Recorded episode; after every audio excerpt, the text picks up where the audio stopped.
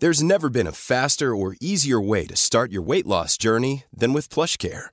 PlushCare accepts most insurance plans and gives you online access to board-certified physicians who can prescribe FDA-approved weight loss medications like Wigovi and Zepbound for those who qualify.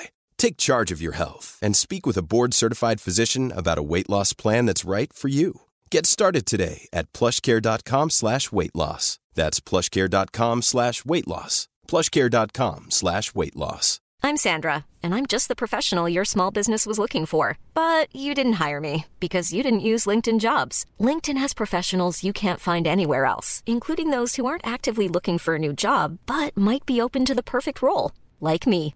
In a given month, over 70% of LinkedIn users don't visit other leading job sites. So if you're not looking on LinkedIn, you'll miss out on great candidates like Sandra. Start hiring professionals like a professional. Post your free job on linkedin.com/people slash people today. Jeg leser mer og mer nyheter på nettaviser. Men ofte så er jo saken jeg vil lese bak en betalingsmur. Og da gidder jo ikke jeg å betale for et helt plussabonnement for å kunne bare lese denne ene saken. Og så scroller jeg videre. Er det jeg som er gnien og ikke vil betale for innhold, eller er det nettavisenes betalingsløsninger som er helt udugelige? Det lurer jeg på denne uken. Du hører på Tut og Mediekjør, en podkast som gir deg historiene bak nyhetsoverskriftene, så du kan skjønne litt mer hvordan nyhetene lages. Jeg heter Christian Lydemar Strander, og endelig er vi samlet igjen. Eva Sandum og Svein Tore Bergestuen. Ja, hei! Hei! Ja, Jeg hei. synes jeg kanskje du kan endre var- den introen og si 'gir deg historiene bak betalingsmuren'. Ja, er det Ja, det er veldig bra, da. Mediekjør har alle plussabonnementene og gir deg historiene bak. Du, Hadde det faktisk vært en uh, forretningsidé hvis vi hadde tatt alle nyhetene og bare presentert de for uh, lytterne helt gratis her? Det er jo- det Retriever uh, gjør, ifølge DN. Det nevnte jeg så vidt sist, tror jeg, men altså, det er det Retriever er saksøkt for å gjøre nå, Ja, av. Dagens Næringsliv. ikke sant? Så jeg tror ikke det er en god forretningsmodell. Forretningsmodell. Nei. Men, ja, men det det Men det er, jo det er en god idé. Men det er ikke sikkert det er så god forretningsmodell, der. Altså For du som ikke aner hva Retriever er altså Retriever er jo et sånt sted hvor du kan uh, logge deg inn, og så får du tilgang til alt. Alle aviser. Ja, men først og fremst er det vel et produkt for folk som jobber ikke sant? For eksempel jeg, hvis jeg jobber med en kunde og trenger å bli oppdatert på alt som skjer eh, og skrives om den kunden, så kan jeg ha det som søkeord, og så får jeg mailer med liksom, Ja. alt som har vært i nyhetsbildet om det ordet. De vanligste kundene for Retriever, eller gamle A-tekst, arkivet for alle norske aviser, det er jo mediene selv er store kunder, og, og andre store virksomheter, eller kommunikasjonsbyråer og sånn, ja. som skal finne ut For at det, det å finne ut noe om deg, da, Christian uh, Lyder Marstrander Jeg Ja, kan er gjøre et Google-søk, selvfølgelig, men hvis jeg skal finne ut av hva du sa som niåring når du hadde funnet eh, bygdas største potet, det finner jeg på A-tekst, da, hvis du da ble intervjuet av lokalavisa om det. Ja, Du kan eh, gå på Nasjonalbiblioteket og søke det digitale arkivet, da. Ja, Ja, det kan du for så vidt. Ja. Da må du gå dit gratis. fysisk. ja. der står ikke om den poteten, faktisk. Nei, Eh. For den, eh, den har jeg eh, enerett på. Ja. Ja. Nei, men dere, vet du hva? Nå ble det veldig bransjete, følte jeg, sånn helt på starten her. Eh, la oss utvide dette litt grann til Fordi jeg har et veldig viktig spørsmål som, som jeg må stille dere nå. Og det er rett og slett Eva Sandum. ja. Hvor mye penger bruker du i året på medier? Ja, du har jo gitt dette i hjemmelekse. Det har jeg. Får jeg lov å ta Hjemmelekse. det på husstanden? Ja, selvfølgelig. Ja. Åh, Herlig for et kjedelig svar. Litt usikker på hva du og Torgeir betaler hver for dere, eller? Eh, da har jeg regna meg fram til at det er eh, i overkant av 30 000 kroner. Er det sant? Altså, det er På, helt sjukt. på abonnementer på medier? Medieplattformer? Ja. Medieplattformer? Ja. Da er du på HBO og Sumo. Nei. Å, fy søren. Er Kan du bare bare, ra- bare ramse opp det, da? Hva, Ja. Eh, ja, altså det blir jo Da må jeg fortelle hva jeg abonnerer på, da. Det Ja. kan jo hende det er litt flaut, men ikke sånn kjempeflaut. Vi blir jo veldig kjent med deg. vet du, Aftenposten, Medie24, Dagens Næringsliv, Aftenposten Junior, TV2 Sumo, Kampanje, Harvest, NRK Det må jo jeg betale for det òg. Ja. Ja. Eh, Filter Nyheter, Nettavisen pluss alt. 30 700 kroner har jeg kommet til. Nå har jeg gjort et raskt overslag, da. Ja. Men nå nevnte du Sumo. Ja, Men du nevnte ikke HBO og Netflix. Nei, for at eh, jeg an anser oh, ja, TV 2 er som et eh, nyheter. redaksjonelt uh, produkt, oh, ja, sånn, mens ja. HBO er jo ikke det. Nei, men det er jo dokumentarer på Netflix. Det er en glidende overgang. Men, men du får i hvert fall sett Ja, men det er ikke et redaktørstyrt medium. jeg tror vi holder oss til 30 000 nå. Også Svein Tore, hvor mye bruker du? Jeg, jeg, Han er litt kjipere, tror jeg. jeg, Du tar de der billignyhetene? Han er bare sånn ett enkronersabonnement. Nei, jeg også kom eh, Jeg, slutta å regne når jeg var usikker på et sted mellom 25 000 og 30 000. Ja. Eh, og da, det var heller ikke med eh, For jeg har noe av det samme. Altså, Dere er så like, dere to. Jo, men hvis, dere, ikke sant, hvis du skal abonnere på Altså En av de dyreste abonnementene er jo sånn som Dagens Næringsliv. Koster jo i hvert fall det abonnementet jeg har med en, eh, med en avis i helga og pluss, er jo liksom 6000-7000 kroner. ikke sant, Bare Mm. det. Det er det. Sånn at, eh, Og så er det disse medier Vi er jo veldig støttende da til disse bransjebladene som koster masse penger, men det vil vi gjerne ha. Ehm, nei, det er, det er mye penger. Jeg har Hvis dere lurte, da. Ja, ja. Hva, Ok, ja. okay. uh, jeg har uh, Dagens Næringsliv altså, og Aftenposten og Klassekampen, pluss da Netflix og HBO. ha. og, eh, så til sammen så er det 13 000-14 000 i året. Mm.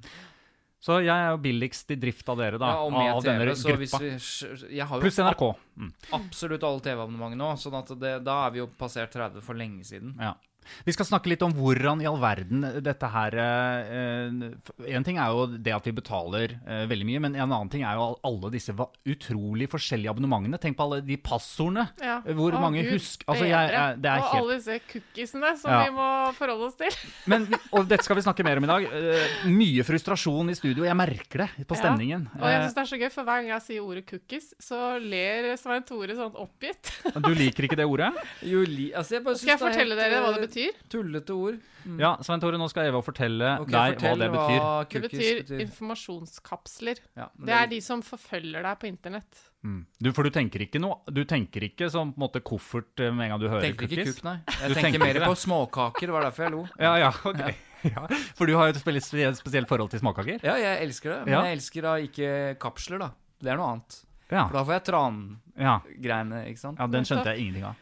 Men Trankapsler, okay. Cookies, informasjonskapsler, Ja, tok de nå. er- den Må jeg jeg. si det med Maryland Cookies og og vennene hans.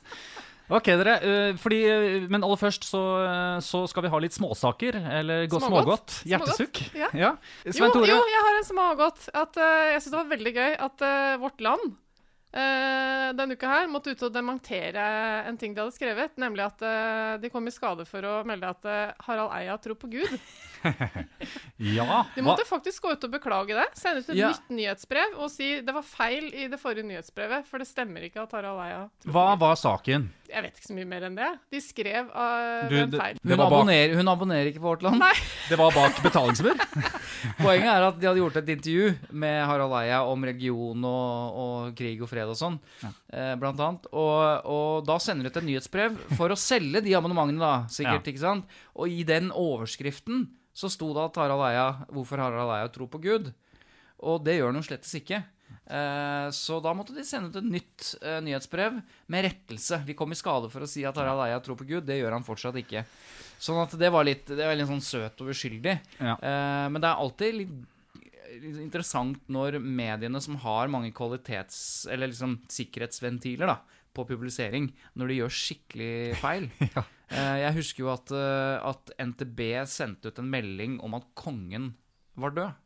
Det var ikke så mange som fikk det med seg, fordi folk abonnerer jo ikke på NTB. Det er jo først når NTB kommer i avisen. og Altså det For lenge videre. siden, bare så vi har understreket Ja, det noe 2017 eller noe sånt, Det er 2017. Ja. Ja, beklager. Ja, øh, Ja. kongen øh, Vi vil jo gjerne at kongen holder seg så lenge som mulig. eh, Men NTB tok jo for så vidt livet av han da for noen år siden ved å sende ut en melding om at Norge er i sorg, og kong Harald er død, og så, så men, men så sto det da XX år gammel.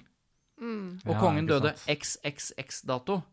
Eh, Og klokken XX. Og da Sånn at Han heter jo Rex dette, ble jo, dette ble jo selvfølgelig en, en stor greie da det skjedde.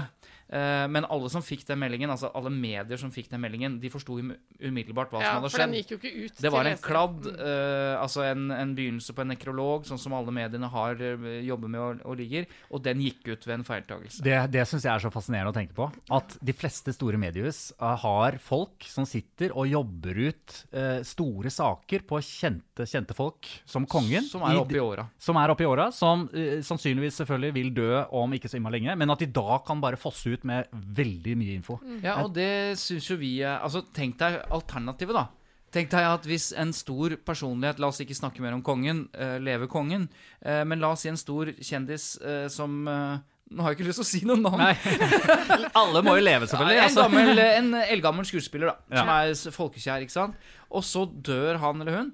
Og så, og så får vi ikke høre noe særlig om dette mennesket før det har gått vinter og vår. For de må jo begynne, på ny, de begynne fra scratch og skrive hele livshistorien Ja, til den så personen. vi se. Det mening, Google. Hvor var det han, eh, når var det han var født igjen? skal Ja. vi se. Og i vår verden så får vel forlanger jo leserne at de skal få, få dette, da. Så, og sånn Ja. har de for så vidt alltid gjort. Jeg husker TV 2s eh, barndom i 1992, første året. Så satt eh, den gang da Kari Birkeland, nyhetsoppleser på TV 2, og sa eh, helt på slutten av 1830-sendingen Og vi har fått melding om at eh, Willy Brandt er død. Å. Og så ble det helt stille, og så sa han Nei, unnskyld! på lufta. Beklager. For da hadde lesemaskinen ikke sant? De leser på en eller annen teleprompter som lesemaskin, og i float, som det heter, eller under der For Willy Brandt var dårlig. Eh, Så vi hadde gjort klar en sånn melding, eh, men så lå den og kom opp i lesemaskinen, så hun bare fortsatte å lese at Willy Brandt var død. Eh, Så det var en av de første tabbene som TV 2 eh, gjorde, da. Uff, Du- så fælt. Ja. Men du, er det, sånn, eh, er det sånn at alt som eh, sies på nyhetene, er eh, manusbasert? I'm Sandra, and I'm just the professional your small business was looking for. But you didn't hire me because you didn't use LinkedIn jobs. LinkedIn has professionals you can't find anywhere else, including those who aren't actively looking for a new job but might be open to the perfect role, like me. In a given month, over 70% of LinkedIn users don't visit other leading job sites. So if you're not looking on LinkedIn, you'll miss out on great candidates like Sandra. Start hiring professionals like a professional. Post your free job on linkedin.com/people today. Many of us have those stubborn pounds that seem impossible to lose, no matter how good we eat or how hard we work out. My solution is PlushCare. PlushCare is a leading telehealth provider with doctors who are there for you day and night to partner with you in your weight loss journey. They can prescribe FDA-approved weight loss medications like Wagovi and Zeppound for those who qualify. Plus, they accept most insurance plans. To get started, visit plushcare.com slash weight loss. That's plushcare.com slash weight loss. Ja, alt som sies i en nyhetsopplesning, altså alt som nyhetsoppleseren på uh, Dagsrevyen og nyhetene, og veldig mange andre programmer leser, eller sier, det leser de fra Ja. en såkalt teleprompter. Det er da en maskin med hvit skrift på svart bakgrunn som ligger under kamera, speilvendt, og så speiles det opp i kamera, sånn at du får det rettvendt, og så leser de rett i kamera. Ja, Og der sitter en gjøk. Før så satt det en gjøk, han het Svein Tore Bergestuen, eksempel. Ja, du har gjort det? Jeg har sittet og skrudd den Ja. lesemaskinen. I dag så har de effektivisert det. Altså, jeg fikk sparken på et eller annet tidspunkt, og så skrur nyhetsoppleserne dette selv. Legg merke til når du ser på nyhetskanalen eller på Dagsrevyen, se på hendene til nyhetsoppleserne. De driver og fikler og skrur. Ja. Eller så har de en pedal. Ja, akkurat. Vil du vite mer om dette? Ja, så Da kan man selv velge hvor kjapt eh, den teksten går, da. Det er helt riktig. og Hvis Ja. han er dårlig på det, så skrur man for fort. Og, ikke sant? Og da forsvinner teksten, Og og da da, kommer- begynner han å stamme. da Men det går vel litt ut av manus noen ganger, de som er gode. Har du ikke sett Nei, de filmene på- hvor hårene reiser seg, når du ser en eller annen sånn helt som liksom egentlig skal følge manus, Og så men bare- så bare legger Ja, liksom det på manuset film. vekk? Det er Vent. Det litt. jeg på film. Ja. Ja, nei, ja. Kongens tale, var det ikke en Hva heter den filmen hvor Kongens han tale. Ja, ja nettopp. Det er den heter. Men, Ok, Er det eh, flere ja. småsukk, hjertesaker, godteri, pytt i panne? Jo, en ting til, eh, Christian. Har du lagt merke til at folk har begynt å diskutere hvorvidt mediene dekker Assange-saken? Velkommen Ja, men det etter, gjorde jo vi for lenge jeg. siden. Ja. Velkommen Oi, oi, etter. oi. Nå er vi litt sånn Frp. Ja, Hvordan da? Nei, som alltid kommer sånn eh, og sier velkommen etter. Ja. okay. Fordi dette, har vi, dette har vi vært opptatt av lenge. I 15 år har vi snakket det. om dette her, så sier vi velkommen etter. Ba bare for å ta dette aller først. Dette eh, handler jo om Julian Assange. Står i rettssak nå for å bli eh, sendt til USA for, å, eh, for spionasje. Og så eh, snakket jo vi mye om at det her Hvorfor dekker ikke pressen dette? Um, og Klassekampen har jo nå klaget, eh, som du sa. Ja, kl Fordi de dekker det. Dekker det, og er den uh... Det vet jo du, fordi du abonnerer jo på Klassekampen. Uh, Det gjør jeg. Ja. Den, er- det er jo mye å lese, så det er ikke alltid jeg får lest den. Nei, Det er en annen ting som vi ikke snakket om i stad. Hvor da? mye av det vi betaler for, som blir liggende i en sånn dårlig samvittighet-bunke og, Ja, du- og, ikke blir lest. Men du, la oss starte på den. Ja. Fordi nå er vi fremme ved sak én. Ja. Og det vi skal snakke om nå, er altså om uh... Hvorfor sier du sak 1 alltid, Kristian? Jeg har hørt på episodene, av og til hører Hører jeg du på på deg selv? Vi kommer jo sjelden videre. Vi sier jo sak 1. Og så er det ikke noen flere saker. Det er bare hjertesuk og sak én. Noen ganger er det sak to, men uh, Ok, Beklager. Okay, da- men da Jeg skal vi slutte med det. mer. Da går vi over til saken. ja! Det var som handler om Om at, eh, for- at For jeg leser da mer og mer nyheter på nettaviser. eh, og det gjør jo dere òg, tydeligvis. Til 30 000 kroner i året. Og eh, Noe av det er papiret, da. Men, ja, ja, ja, det er det, selvfølgelig. Og TV. Men poenget her er at jeg blir rett og slett bare helt gæren, fordi jeg må hele tiden gå inn på de forskjellige eh, Det er betalingsmurer overalt. Og hvis jeg da har abonnement på de tingene som jeg har lyst til å lese, så må jeg frem og finne nytt passord. Jeg må inn Sier du det? Vet du hva? Jeg blir gal sjøl. Ja, få høre, Eva. Hva er din, hva er din eh, opplevelse av å ha så mye abonnementer eh, på Ja, altså, medieplattformer? Det å ha mye abonnementer det kan jo løses eh, med Svein Tore-metoden, å ha ett passord på alt. Så det kan jo for så vidt Men har du det, Svein Tore? Ja, jeg er redd for at jeg er ganske slapp på det, altså, for Ja. jeg gidder jo ikke å sitte sånn som dere holder på. Nei. Eh, Ja, det skjønner jeg jo. Jeg, har tre Dessuten så må jeg bare si noe før du skal øh, med den frustrasjonen din, eh, Eva. For jeg har lagt merke til at dere har diskutert dette i redaksjonen. Kan vi kalle oss en redaksjon? Ja, selvfølgelig. Vi er tre. Og så, og så har jeg ikke sagt så mye, for at det, jeg vet ikke Jeg ser jo på deg, Eva. Du har jo også Mac. Og du har også Mac, Christian. Men jeg trodde lenge at jeg ikke hadde disse problemene, for jeg hadde Mac. At det var mye lettere å, ha- når du har Mac. Og at det liksom bare går av seg selv. For jeg opplever ikke at jeg må skrive disse passordene, eller at jeg blir logget ut. Jeg syns dette går ganske fint, jeg.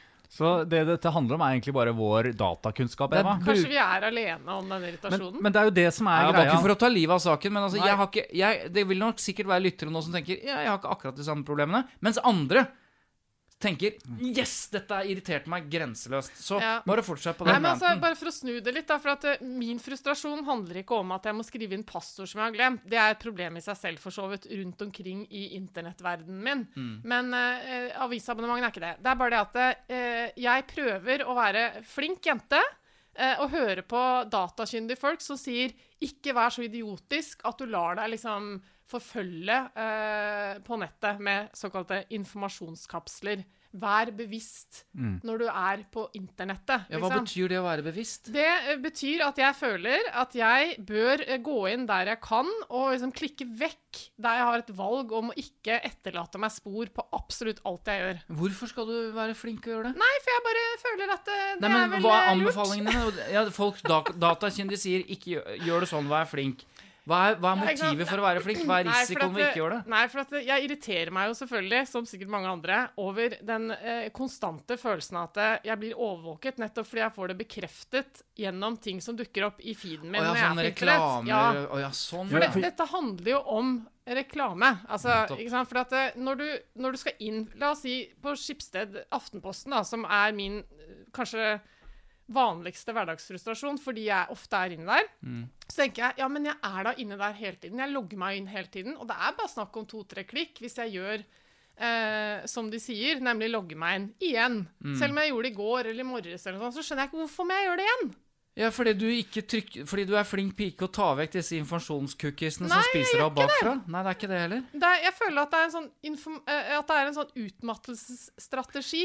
At de Men- spør meg på nytt Ba bare for å liksom hele tiden for å få meg til å godta alt til slutt. Det Mm, er det jeg opplever. Det er ikke sikkert det er riktig. Men bare for å heve dette da bare ett hakk nå over eh, din Frustrasjon. nå, Eva. Fordi, eh, fordi dette handler jo om egentlig der oppe om eh, Hvis det er sånn at eh, den frustrasjonen din, Eva, gjør at du ikke gidder lenger å betale deg inn på eh, abonnementene dine, så har jo eh, nyhetene et stort, stort problem. For da får man plutselig ikke Da får ikke de betalt for nyhetssaker. Da blir det ræva journalistikk der ute, eh, og vi mister mediemangfoldet. For det vi er jo opptatt av, og det har vi sagt mange ganger, at man må betale for journalistikken.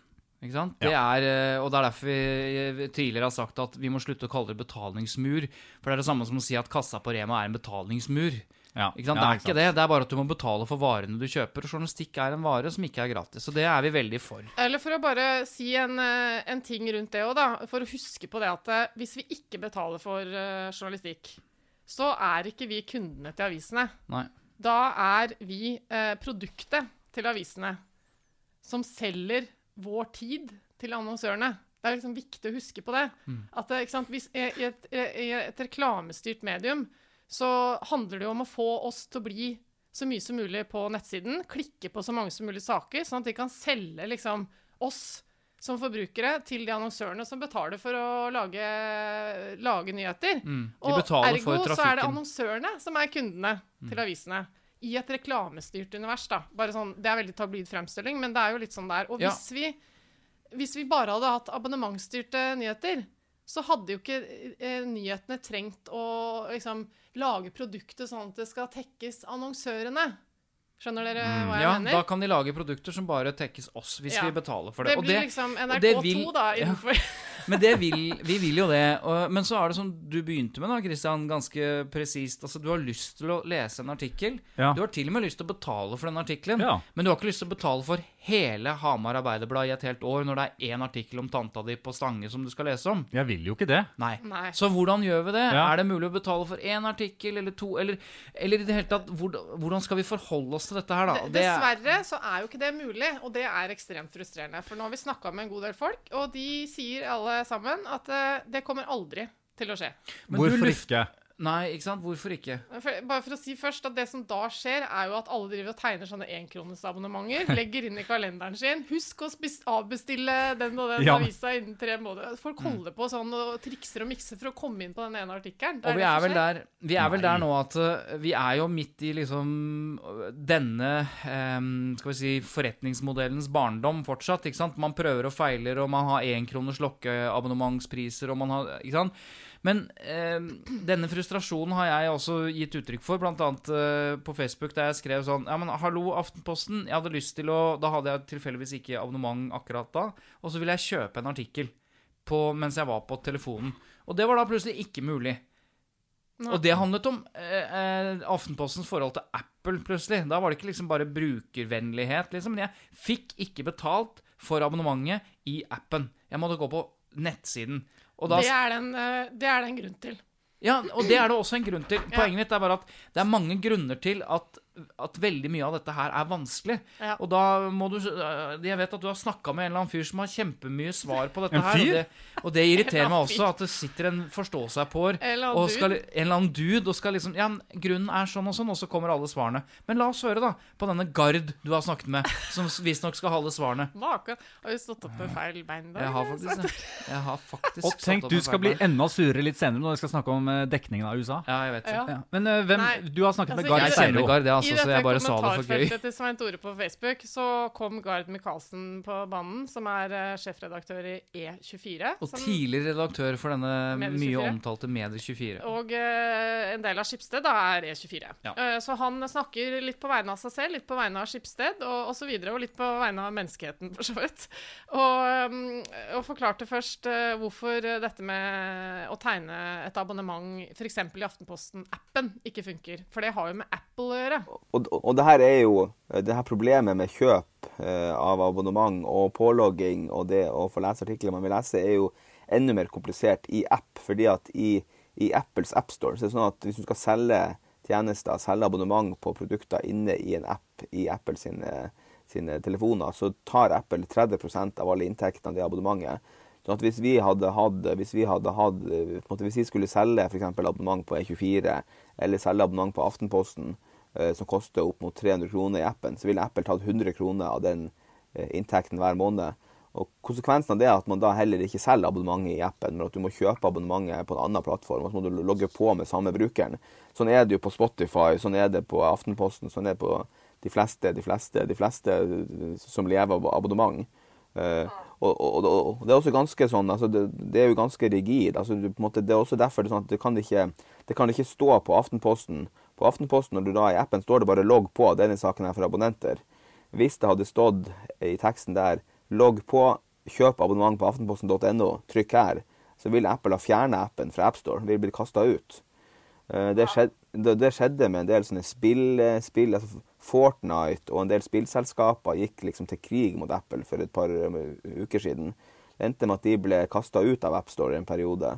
Eh, og det er ganske like vilkår mellom eh, på en måte ganske like vilkår i Android, altså Google sin, sin butikk. Så det her er jo som om et, det her er jo som om et eh, altså, eh, de- har bygd en tjeneste og har lov å ta betalt for det, men her er jo som at du har en, en eh, du har to kjøpesenterkjeder i hele verden, og de eier alle kjøpesentre i hele verden.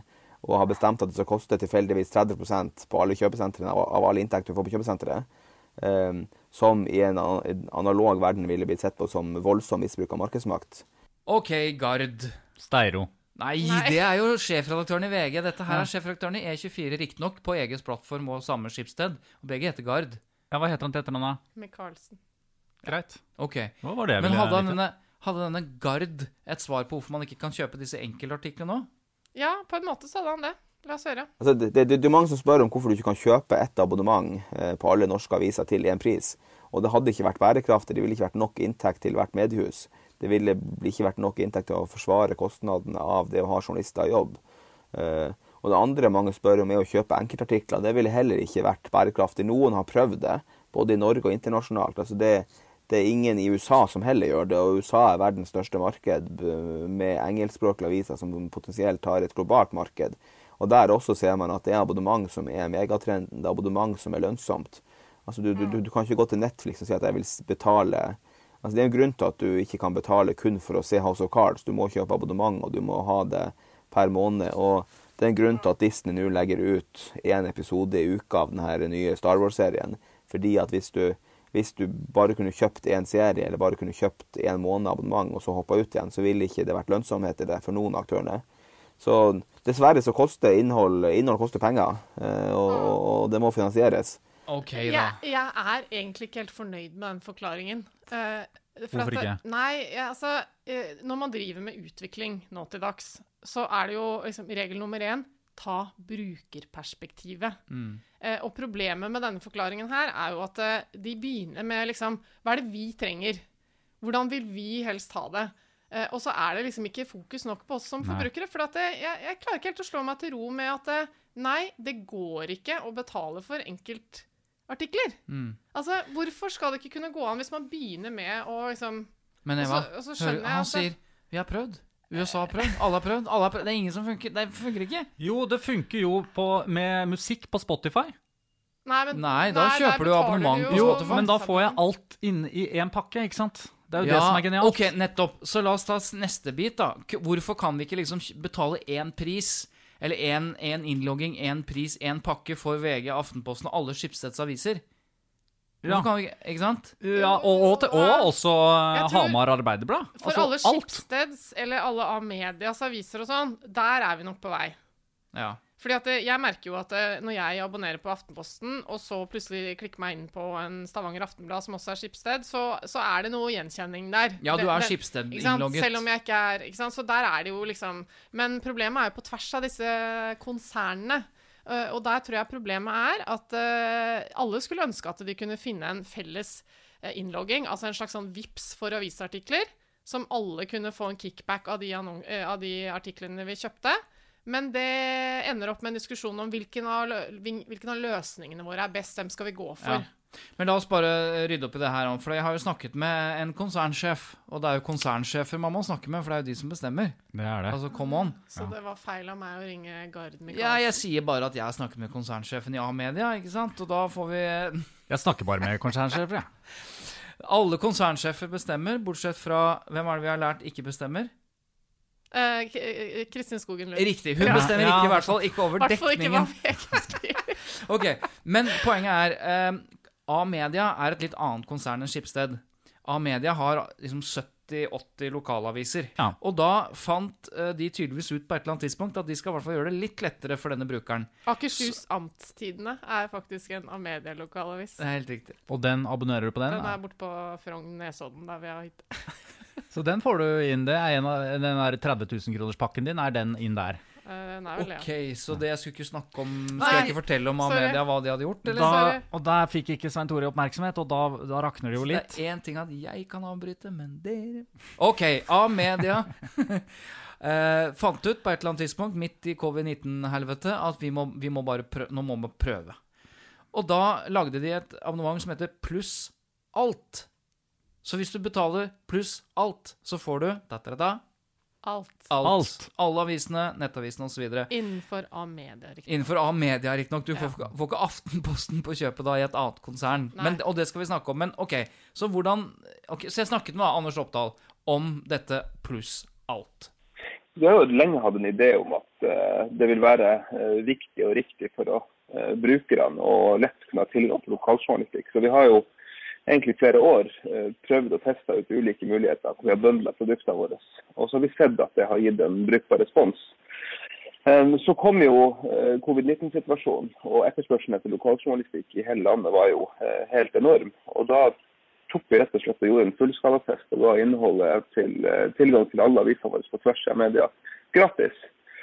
Og det ga jo en vanvittig effekt. Og da fikk vi på en måte bevise interessen for å lese mer enn én lokalavis gjennom ett abonnement var kjempestor. Så i mai så valgte vi å gå ut kommersielt med dette produktet. Og eh, det har jo bare blitt bekreftet av, av, det som har skjedd gjennom sommeren og høsten. Og dette er noe folk, eh, folk, ønsker seg. Convenient og enkel eh, tilgang til en nyhetsplattform i, i Norge. Dette er altså konsernsjef i A-media, Anders Oppdal. Og de er veldig happy med dette, dette produktet. Men så er det sånn OK. Du får et produkt hvor du får 70 lokalaviser. Du får lov til å lese din egen lokalavis og hyttas lokalavis og en del. Men de vil også lese Det å ha tilgang til andre aviser er åpenbart noe de vil betale for. Og så hjelper det å ha et riksmedium på toppen av dette, da, som er Nettavisen. ikke sant? Uh, men da er spørsmålet Det er ikke så lett i et mediehus som Skipsted, tenker jeg. Fordi der har du ikke 70 lokalaviser med ulike nedslagsfelt. Der har du Aftenposten og VG som mm. konkurrerer mot hverandre. Mm. Du har E24, du har riktignok noen store regionsaviser osv. Men, men det er ikke så lett altså Det er ikke nødvendigvis sånn at Gahr Steiro, som er sjefredaktør i VG, vil bøndle sitt produkt med Aftenposten. Hvis VG tenker at vi har tross alt en sterkere merkevare enn Aftenposten, hvem skal da sitte igjen med mest penger, og bla, bla, bla. Mm, så mm. dette er ikke så lett i Skipsted heller. Det er lett å ha en felles innlogging, men de vil fortsette antar at de vil fortsette å ha sitt egne abonnement, som må velge skal du betale for Aftenposten eller skal du betale for VG. Ja, for det, det, er jo en annen problematikk her òg. At de, de, de, samler inn data om oss når vi mm. holder på inni produktet deres. Det er jo liksom, Data er jo den nye oljen, som mm. Nikolai Astrup sier. Mm. Eh, og det er det jo for mediene òg. Så det er jo heller ikke sånn at de nødvendigvis er villige til å bare samle inn data fra en bruker og så gi den videre til et annet mediehus som de konkurrerer med. da. Så dette går jo litt i hverandre. Hvis ikke Kristin Skung Lund bestemmer, som konsernsjef, at de skal gjøre det. For ja. det kan hun, sånt kan hun det bestemme. Det kan hun bestemme, ja. Hun kan ikke bestemme hva de skal skrive om om. Nei, I Skipsted så kan uh, man gjøre sånn. Ja. Mm. Men, men, eh, men, men, bare sånn for å avslutte det, for da har du jo, har du jo på en måte den data, all den dataen som eh, Skipsted f.eks. samler inn om meg. Jeg får jo også of, veldig ofte opp eh, en mulighet til å på en måte si sånn cookies som vi snakket om. Mm. Er det avisen som, som, på en måte har den der? Eller er, de, eller er de pliktet til å ha den der av en annen grunn? Ja, ikke sant. Det er det, det er, Vi har jo eh, Altså, internett er jo sånn jevnt eh, Eller helt overordna så er jo internett delt opp i tre, eh, egentlig. Eh, hvor eh, i Kina Før, nå og etter? Ja. Før, nå og etter, ja. ja. Ok. Ja, det er fint, da. Eller hva var det du mente, Eva? Nei, altså eh, Hvor liksom I USA er alt lov. I Kina og Nord-Korea og sånn så er liksom alt overvåket. Og i Europa så er alt regulert. Ja. Eh, og det er jo det GDPR-helvetet og sånn som gjør at eh, Som egentlig er der for å beskytte oss som er problemet bak min irritasjon. Og så innser jeg nå at vi snakker egentlig om snørr og barter her. Vi snakker ja. om to ulike ting. Mm. For at én ting er liksom Skal vi bli abonnenter og betale 30 000 kroner i år og sånn? Og det andre er liksom irritasjonen når vi først har tatt det valget. Hvorfor kan det ikke være litt enklere for oss? Ja. Men ikke Gard om, svarte ikke Gard noe på dette med innlogging òg, da? Du må jo ha spurt om det. Du var jo så frustrert over det. Ja, jeg var det. Uh, la oss høre hva han sa om det, da. I Skipsted for eksempel, så har vi jo felles pålogging som heter Skipsted ID, tror jeg det heter. Det bytter vel navn hvert år, men det er Skipsted ID. Og det er jo samme pålogging som er på f.eks. Finn, på Aftenposten, på VG, på også hele Polaris. Så Adresseavisen og de fleste nordnorske lokalaviser og lokalaviser på Nordvestlandet har jo den samme påloggingen, Skipsted ID. Eh, men det er jo bare en felles pålogging, så det er på en måte den, det er samme brukernavn og samme passord. Eh, så Det betyr ikke at du nødvendigvis får tilgang. Det, det, det, vi har gjort det siste året, er at man er blitt bedre til å, bedre til å kjenne deg igjen på tvers. Så når du kommer inn på Aftenbladet, så blir du logga inn automatisk. Du slipper å taste inn ditt passord og brukernavn manuelt. Det hender du må det likevel, men, men eh, det, er en annen, det, er en lengre teknisk historie. Men vi er kommet dit at nå kan vi kjenne det igjen på tvers, sånn at du slipper å logge på manuelt alle steder, i teorien. Og så er ikke løsningen så god at den fungerer slik eh, hele tida. Men, men derfor kommer ett skritt lenger. Og så er spørsmålet til abonnement.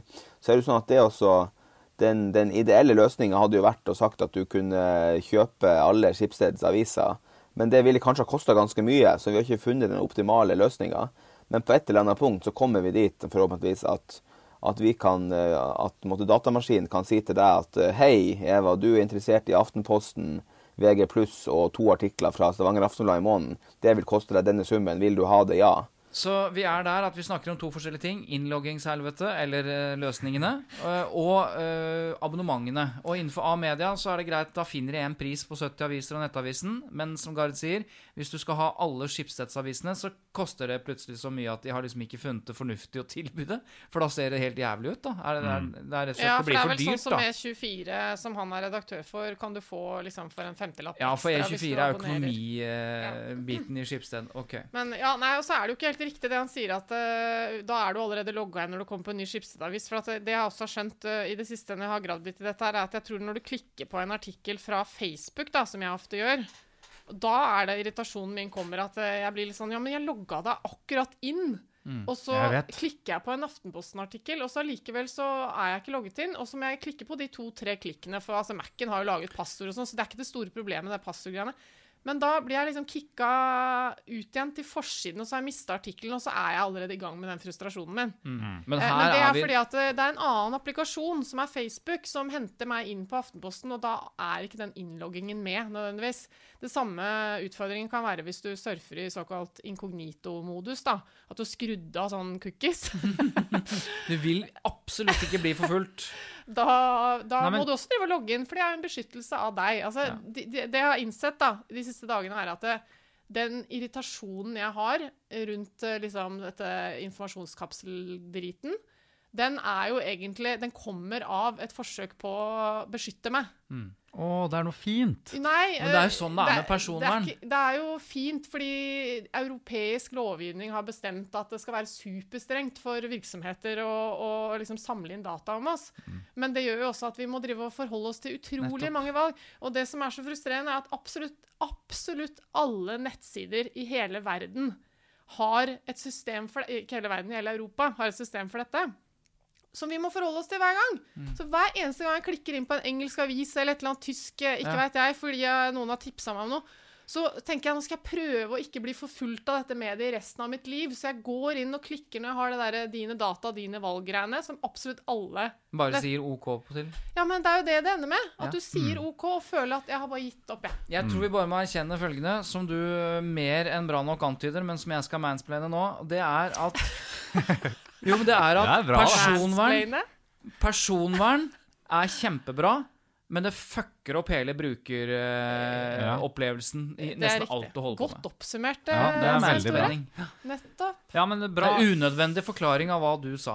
For det men, skjønte vi best egentlig da du sa det, men jeg hadde behov allikevel. Men hva tenker du da, Sentore? Er det sånn at uh, alt, dette, alt personvern, surret med uh, hvilket abonnement og hva slags innhold til hvilken pris uh, ut til kundebruker, sluttbruker, og alle må sparke ballene i samhold. Uh, alt dette pratet, på, hvordan påvirker det mediemangfoldet? Å, det var et godt spørsmål. det vet jeg ikke. Nei. Men, men jeg, jeg tror mitt råd jeg ser Eva har et veldig godt råd, men mitt råd er å senke skuldrene. For tross alt, tross alt så er det sånn Ja ja, så blir det forfulgt av noen cookies. Og tross alt så får du noe meget tilrettelagt reklame om noen du trodde du bare hadde tenkt. Og riktignok er det sånn at du må logge inn noen ganger, og sånn. men verden er nå engang sånn at tar du livet med ro, så får du lest det du skal lese. Du får god journalistikk, og du får god reklame som gjør at du går inn på Hatstore og kjøper en cap med navnet ditt på hvis du vil det. Alt er egentlig helt OK. Ta livet med ro. Hva har skjedd? Å, så deilig. Det var, Men altså, nå skulle vi hatt noe sånn yogamusikk under det der. Kan ikke du legge på det ettertid? Jeg kan jo det. Ja, ja da gjør jeg sånn det. Sånn um, røkelsemusikk, ja. ja. Sånn ding, ding, ding. Da går vi videre. Eh, og da har vi kommet frem til eh, saken som kommer etter, den første, etter saken vi hadde f snakket om nå. Ja, da kan du si sak to, da. Kan jeg det? Ja, nå Kan kan du jeg si få det. Ok. skyte inn en gladmelding fra media? media? Herre, da, altså, først yogastemning og så gladmelding fra Eva. Altså, Kan det bli Ikke fra bedre? Eva, fra media. Fra media? Ja, ok. Ja, Få høre, da. Kildevernet er fortsatt hellig. Ok. Ja. Hva er kildevernet? Kildevernet er jo det hellige vernet av eh, avisenes kilder. Dvs. Si at eh, hvis jeg er journalist og har en anonym kilde til noe jeg skriver, så er det ingen som kan kreve av meg at jeg oppgir hvem den kilden er.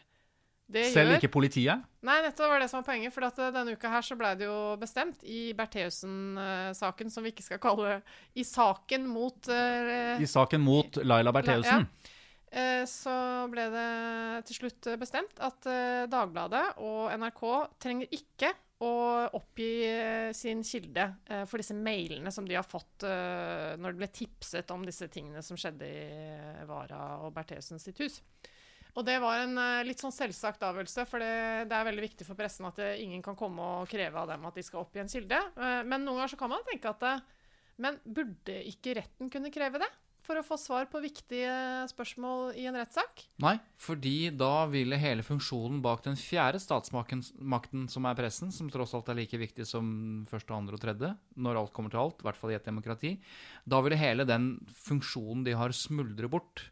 Fordi da, når kildevernet blir brutt, så får man ikke tilgang til kilder, ikke til lekkasjer, ikke til varslere, ikke til viktig hemmelig informasjon, som pressen bruker for å kontrollere de tre andre statsmaktene. Så hvis én statsmakt, altså domstolene, finner ut at nei, vi knebler den fjerde statsmakten ved å ta fra de kildevernet eller gjøre det vanskelig, så har du, da forrykker du balansen i demokratiet, og da blir det surrball. Men hører dere ikke at dette er litt sånn motsigende? Hvordan Altså. På en måte så skal jo journalistene De slår seg på brystet og skal være på en måte de stemmeløses stemme. Mm. Eh, og få frem sannheten i samfunnet. Men når det først gjelder å få frem sannheten i en rettssal, så trekker journalistene eh, kildevernkortet så brutalt at den stemmeløse kan ikke få noe hjelp der i det hele tatt, når det faktisk står eh, Når sannheten står på spill i en rettssak. Ja, det kan du kanskje si, men samtidig eh, når, Jeg sa vi det har, nettopp. Ja, det kan du kanskje si igjen og ja. understreke. Ja, akkurat. Ja. Eh, men, Det skal jeg gjøre. men når vi har å gjøre med prinsipper, så er det litt vanskelig å argumentere mot Ja, men hvis, jo, men hvis det er sånn en gang, da, at det kanskje er sånn at de burde ha gitt opplysningene for å bidra til å oppklare en sak, eller hva det måtte være, ja, da eh, har man jo gått vekk fra prinsippene. Kildevernet er et av de viktigste både verktøyene, men også prinsippene. Og prinsipper er jo der for at man ikke skal bryte det, for nettopp å kunne ivareta noe større, da.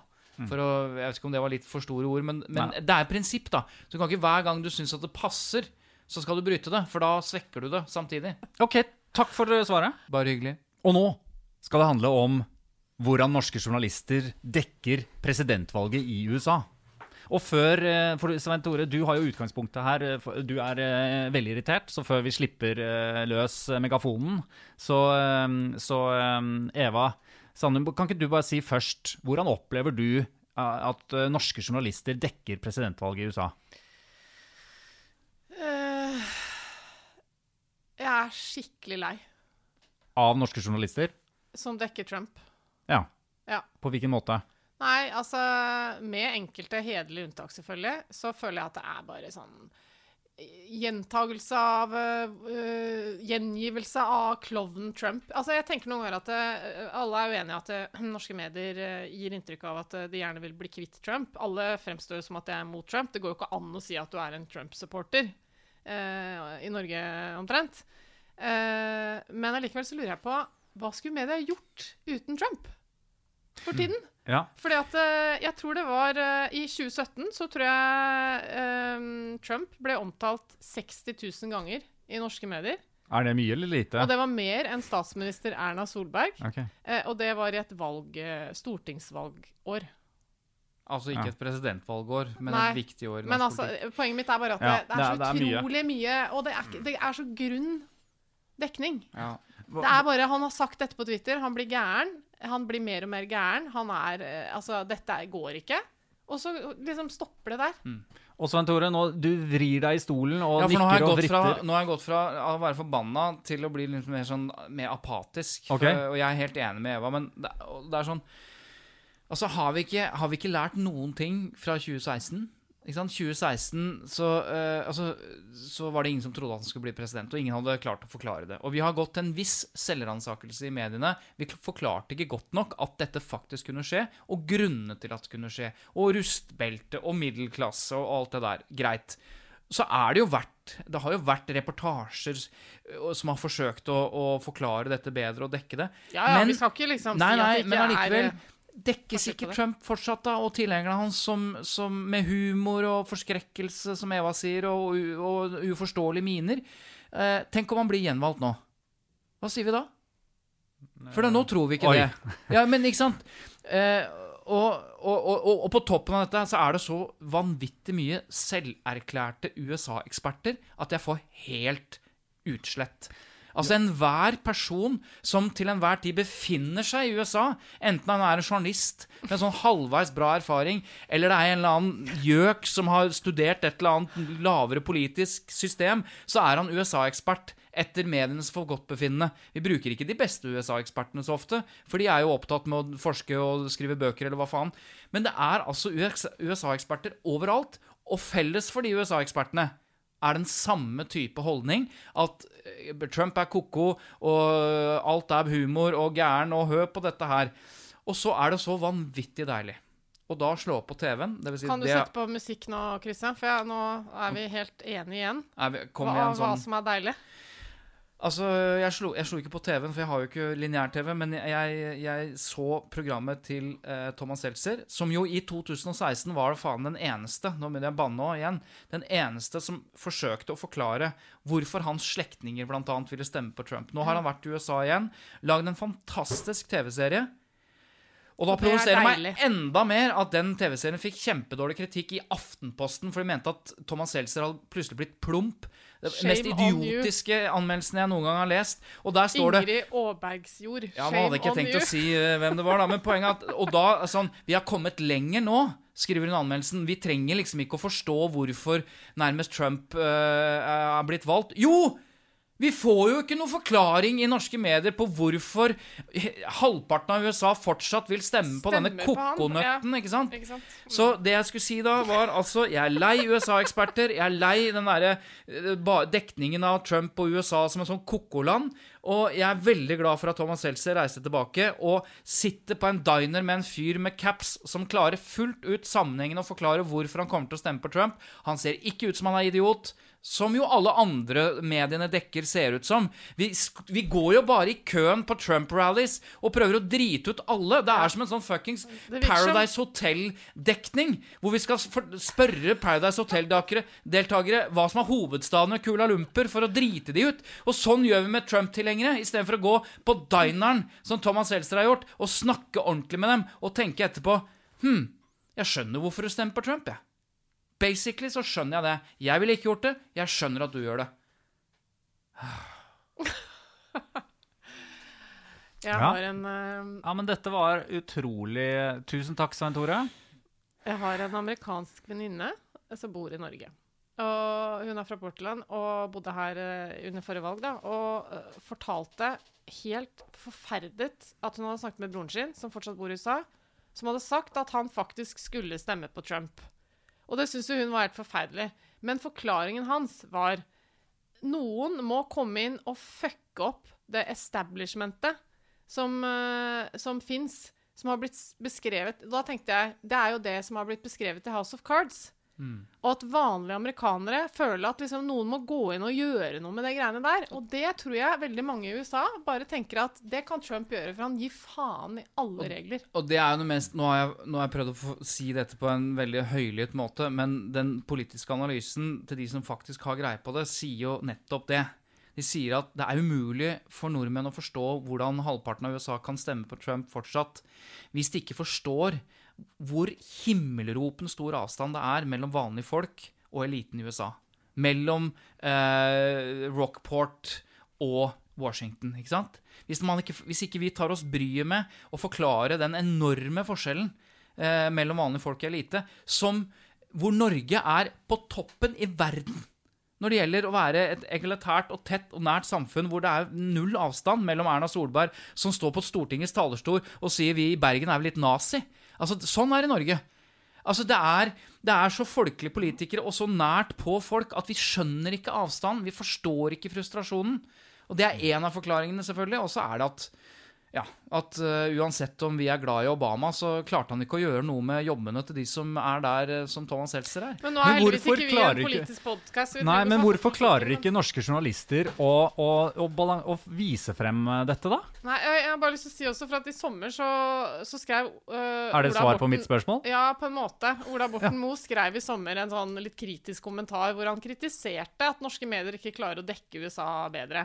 Mm. Men jeg synes det var litt sånn interessant, men det altså fikk så mye motstand. Det Ja, var men- massive protester Men der den. må jeg skille, nettopp fordi du sa vi er ikke en politisk podkast, og vi er, vi er en pressepodkast. For det er Ja. forskjell på det som Ola Borten Moe var opptatt av, og det som for så vidt en annen Aftenpo som skrev i Aftenposten i begynnelsen av oktober her, som mente at uh, norske journalister uh, dekker USA uh, feil. ikke sant? At, Negativt. Negativt, For mye negativt. Ja. Det er ikke det jeg snakker om. Nei. Jeg sn tvert imot. Det er ikke, altså han prøvde, han, han som skrev i Aftenposten nå for litt siden, han skrev et eller annet om at ja, det skapes ekstremt mye, mye verdier i, i USA, og hvis California var et eget land, så skaper det mer liksom, mm. verdier enn enn, eh, Storbritannia. ikke sant? Det er ikke det jeg snakker om. For det, for det tar ikke vekk det faktum at ulikheten i USA vokser omtrent som eh, speedmonster på Tusenfryd. ikke sant? Det er vanvittige gap. Ja, det skapes ekstremt mye verdier og rike folk osv. Og det Ola Borten Moe også snakket om, eh, om at liksom USA er ikke så ille det er ikke, Jeg snakker ikke om det. Nei. Jeg snakker om det er ille. Og det er derfor de stemmer på Trump. Ja. Så dekningen av USA handler ikke om å underkommunisere verdiene som skapes. Altså USA er et fantastisk land, bl.a. innenfor akademia. De beste universitetene er der. Det er masse fint. Det er jo ulikhetene som går til helvete, og det er jo det som fører til Ulikheten og avstand mellom folk og elite gjør at Trump er deres siste håp. Som Men- noen av de sier Jeg hater Trump, men han er det eneste valget jeg har, liksom. Men hvordan kan norske journalister på en måte få et større helhetlig bilde av USA? Hvorfor skjer ikke det? Nok en gang spør jeg om det, da. De prøver ikke å forklare hvorfor. De bare prøver å portrettere eh, Trump og tilhengerne hans som idioter.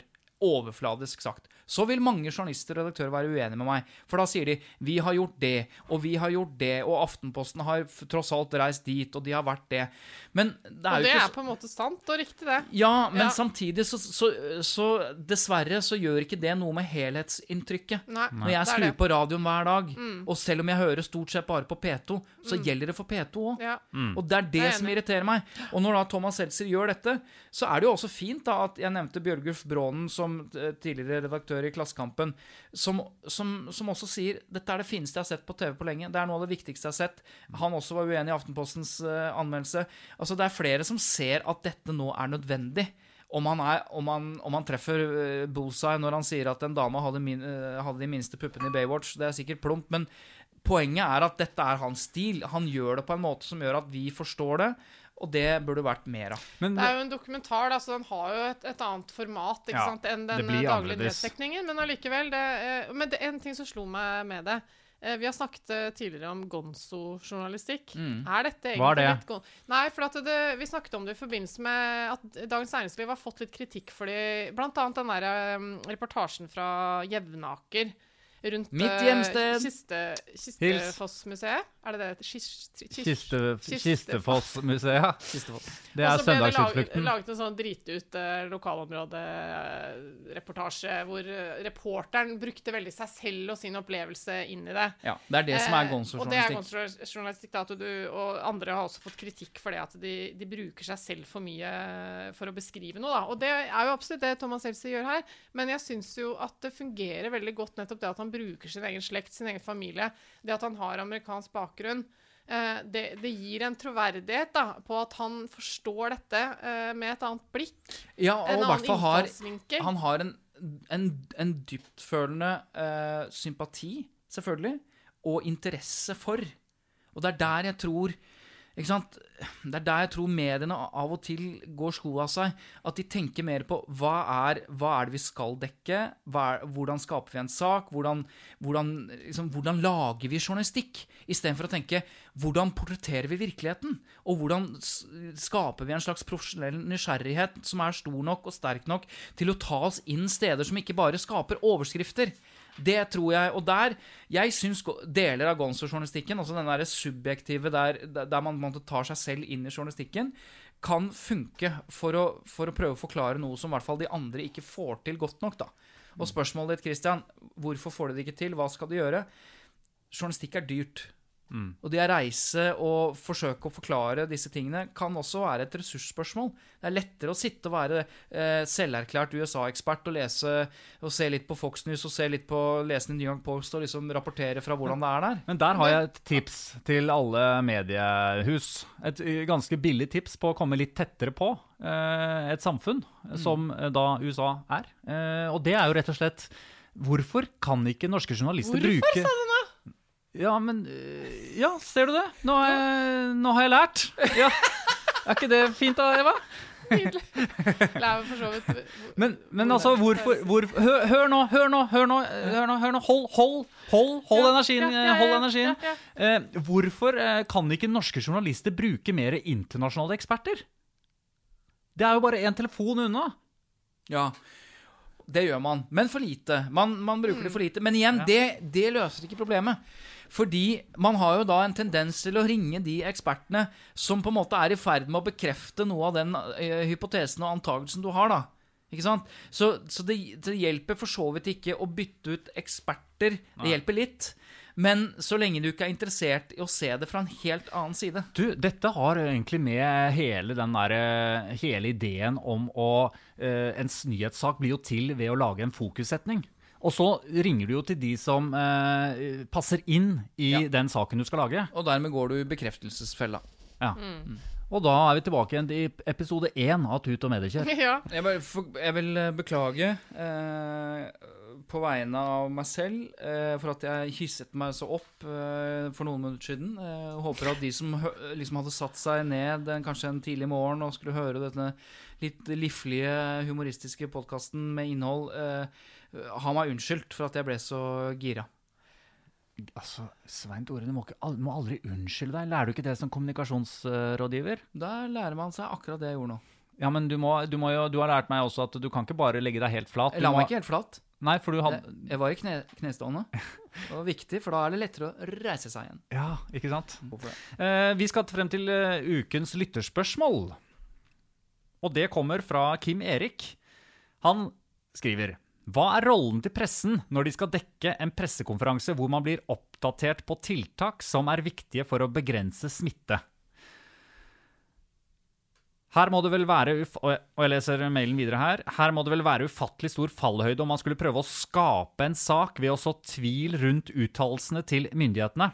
ja, for lytteren her irriterer seg litt over at de liksom prøver å lage saker av å være kritiske. Ja, ikke At de skal være kritiske på at alle må eh, ha munnbind. ikke sant? Hvorfor kan ikke pressen ta en rolle hvor de skal spille myndighetene gode for en gangs skyld, skriver han til slutt. Ja, Kim Erik, ja. Ja. Ja, altså Ja, hvorfor? For dette er jo rene informasjonsmøte da, med regjer- fra regjeringen til Vi- folket. Hvis jeg ble tvunget til å gi et veldig raskt svar, så ville det vært at det, det er jo i Nord-Korea at uh, pressen er mikrofonstativ for myndighetene, Ja. ikke i Norge. Journalistikk er altså ikke informasjonsarbeid på vegne av staten. Journalistikk er noe helt annet. Men det er allikevel et valid poeng. Ja da? Fordi at eh, pressen skal jo ikke på autopilot hver gang det kommer en, en eller annen slags beskjed, informasjon, stille åpenbart eh, eh, skal vi si unødvendige kritiske spørsmål til, til la oss si uproblematisk informasjon. Da. Altså gjøre det vanskeligere enn det det er. Og det er jo også sånn, og vi har vært innom det så vidt tror jeg før, at hvis man bare problematiserer og setter ting opp mot hverandre, så kan eh, resultatet av det bli at befolkningen blir usikre på hva som er informasjonen, blir usikre på om man skal følge informasjonen, osv. Mm, Altså, pressen skal være kritiske til de valgene og beslutningene og alt som skjer, men, men ja, jeg, jeg ser dilemmaet med at det kan bli Det kan også uh, stå i veien for viktig informasjon, da. Men nå skal det jo sies at veldig mange av disse pressekonferansene er jo direktesendt. Så det er jo ikke sånn at de ikke får ut informasjonen sin.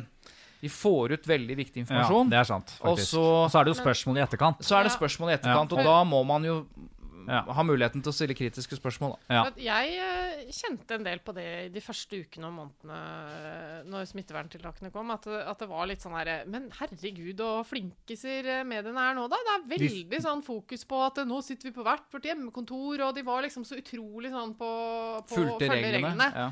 Eh, og så tror jeg pressen gikk litt i seg selv, for jeg har uh, observert noen sånne møter de har hatt og konferanser og sånn, hvor de har diskutert sin egen koronadekning og kommet frem til at det, i begynnelsen var vi kanskje litt for ukritiske. Nå må vi begynne å stille spørsmål og gå dem i sømmene. eh, På hvilket grunnlag ble beslutningene tatt, osv. Så, videre. Ok. så jeg tenker at vi må bare akseptere at pressens rolle her er jo å sjekke at ikke vi blir utsatt for masse unødvendige tiltak som ikke har noen begrunnelse i noe.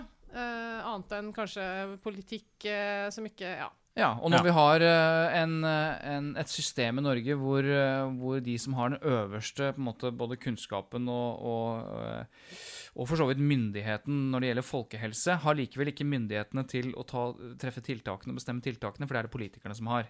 Altså, Det er litt forskjell på Norge og Sverige, vi har vært inne på det. Ja. Og da er det i hvert fall viktig. Altså Når politikerne velger av ulike årsaker å overprøve de faglige rådene, så er det viktig å ha en presse som stiller spørsmål med hvorfor gjør du det? Eller hvorfor overprøver dere nå? Eh, for det kan være legitime grunner til det, men allikevel, der er pressen helt instrumentell. da. Eller viktig, som det heter på vanlig språk. Nå, nå, nå ber meg om å holde kjeft. Jeg, Jeg ser det på kroppsspråket. Ja, Ja, kan men- vi videre? Ja, nå skal vi videre. Ja. Men ok, Nei, da, siden du eh, kommenterte at jeg ba deg holde kjeft, hva var det du skulle si da, Eva? største faren mot smitteverntiltakene fra myndighetene er jo amerikanske presidenten som står på en balkong eh, og blir filmet av hele verdens medier og tar av seg munnbindet og bare spytter på smitteverntiltakene. Ja. Så det klarer han eh, bedre enn mediene sjøl. Ergo, Åh. Trump er en klovn. En klovn. Ja. Du, eh, vi skal helt til slutt nå ha eh, Du kan bare klippe faste bort det, altså, Christian, siden du egentlig ikke ville at jeg skulle si noe. Nei, men jeg syns det var veldig fint, jeg. Fordi da fikk vi frem at Trump var en klovn. Da går vi videre til spalten Åpent eller lukket. Ja. Og hva slags spalte er dette, Eva? Det er Svein Tore Bergestuens favorittspalte eh, om eh, god spørsmålsstilling i den offentlige samtalen. Eh, I dette tilfellet eh, fra journalister. Og så jazzer jeg det litt grann opp, og så sier jeg vi skal eh, ta for oss eh, ukens journalist. verste eh, journalistspørsmål, eller beste journalistspørsmål. Vær så god, Svein Tore. Ja. Eh, sist uke så, så pirket vi jo borti fredagskongen, eller det han var fredagskonge før, talkshow-kongen Fredrik Skavlan, som jo gjør fryktelig mange gode intervjuer. Eh, og sist gang så hadde han masse spørsmål som var dårlige. Det var sist gang. Nå eh, gjør vi det stikk motsatte. Nå tar vi fredagsdronninga, nemlig å se på hva slags spørsmål stilte Anne Lindmo eh, her om dagen. Ja. For det er jo også sånn at eh, de er jo flinke programledere begge to. Denne gangen så la jeg spesielt merke til hvor gode spørsmålene til Anne Lindmo var. Ja. Noen ganger er de fryktelig lange og knirkete og artige, og de, de har liksom ikke den funksjonen som jeg mener et spørsmål skal ha, nemlig at de skal gi bra svar, bra informasjon. Av og til er de for å vise at hun er flink til å formulere seg. Sorry, men nå skal jeg også skryte. Fikk du en litt dissing òg? Ja, det er Jon. Almås eh, og søsteren er i studio. De har en familiehistorie, en ganske trist familiehistorie, bl.a. broren som døde. Så de får spørsmål som egner seg spesielt godt for å fortelle den historien. Sånn som dette. Hvordan prega det dere som, som flokk at, dere, at dere, dere hadde han, og så, og så, så mista dere han? Eh, ja, altså det, det var jo litt sånn både og på et vis. Det er jo nesten eh, Hvordan eh, var det for deg? Du var ganske liten. dere Jeg var elleve, ja.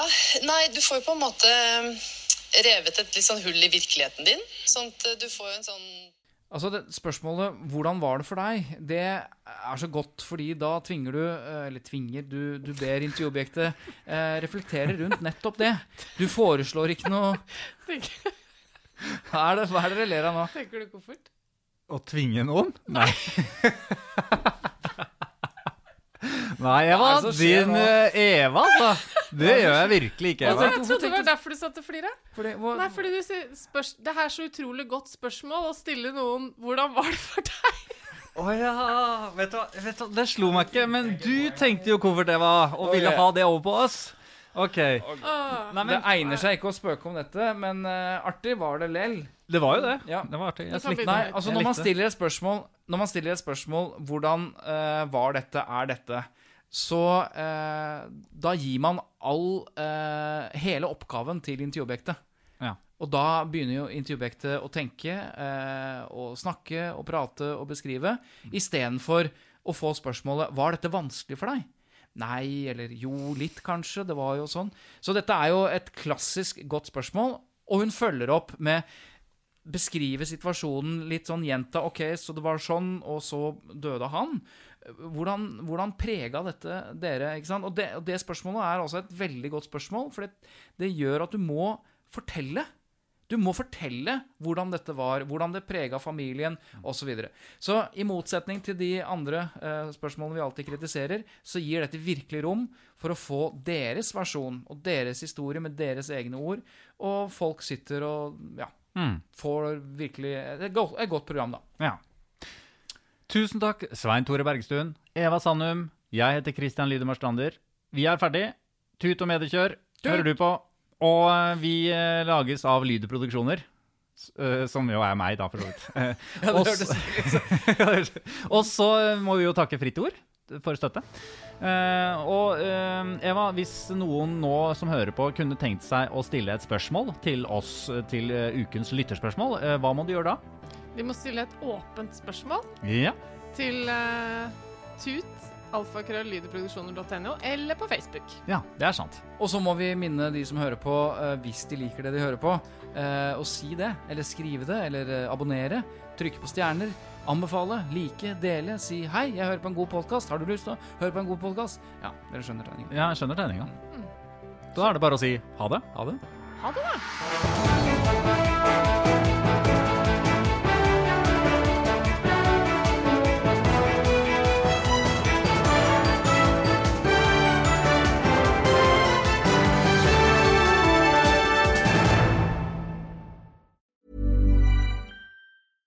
Hey, it's Paige DeSorbo from Giggly Squad. High quality fashion without the price tag. Say hello to Quince.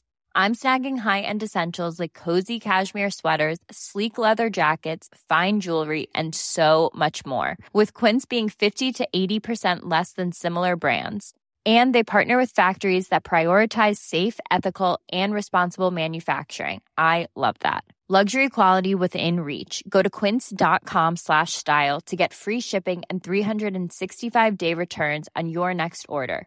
Quince.com slash style.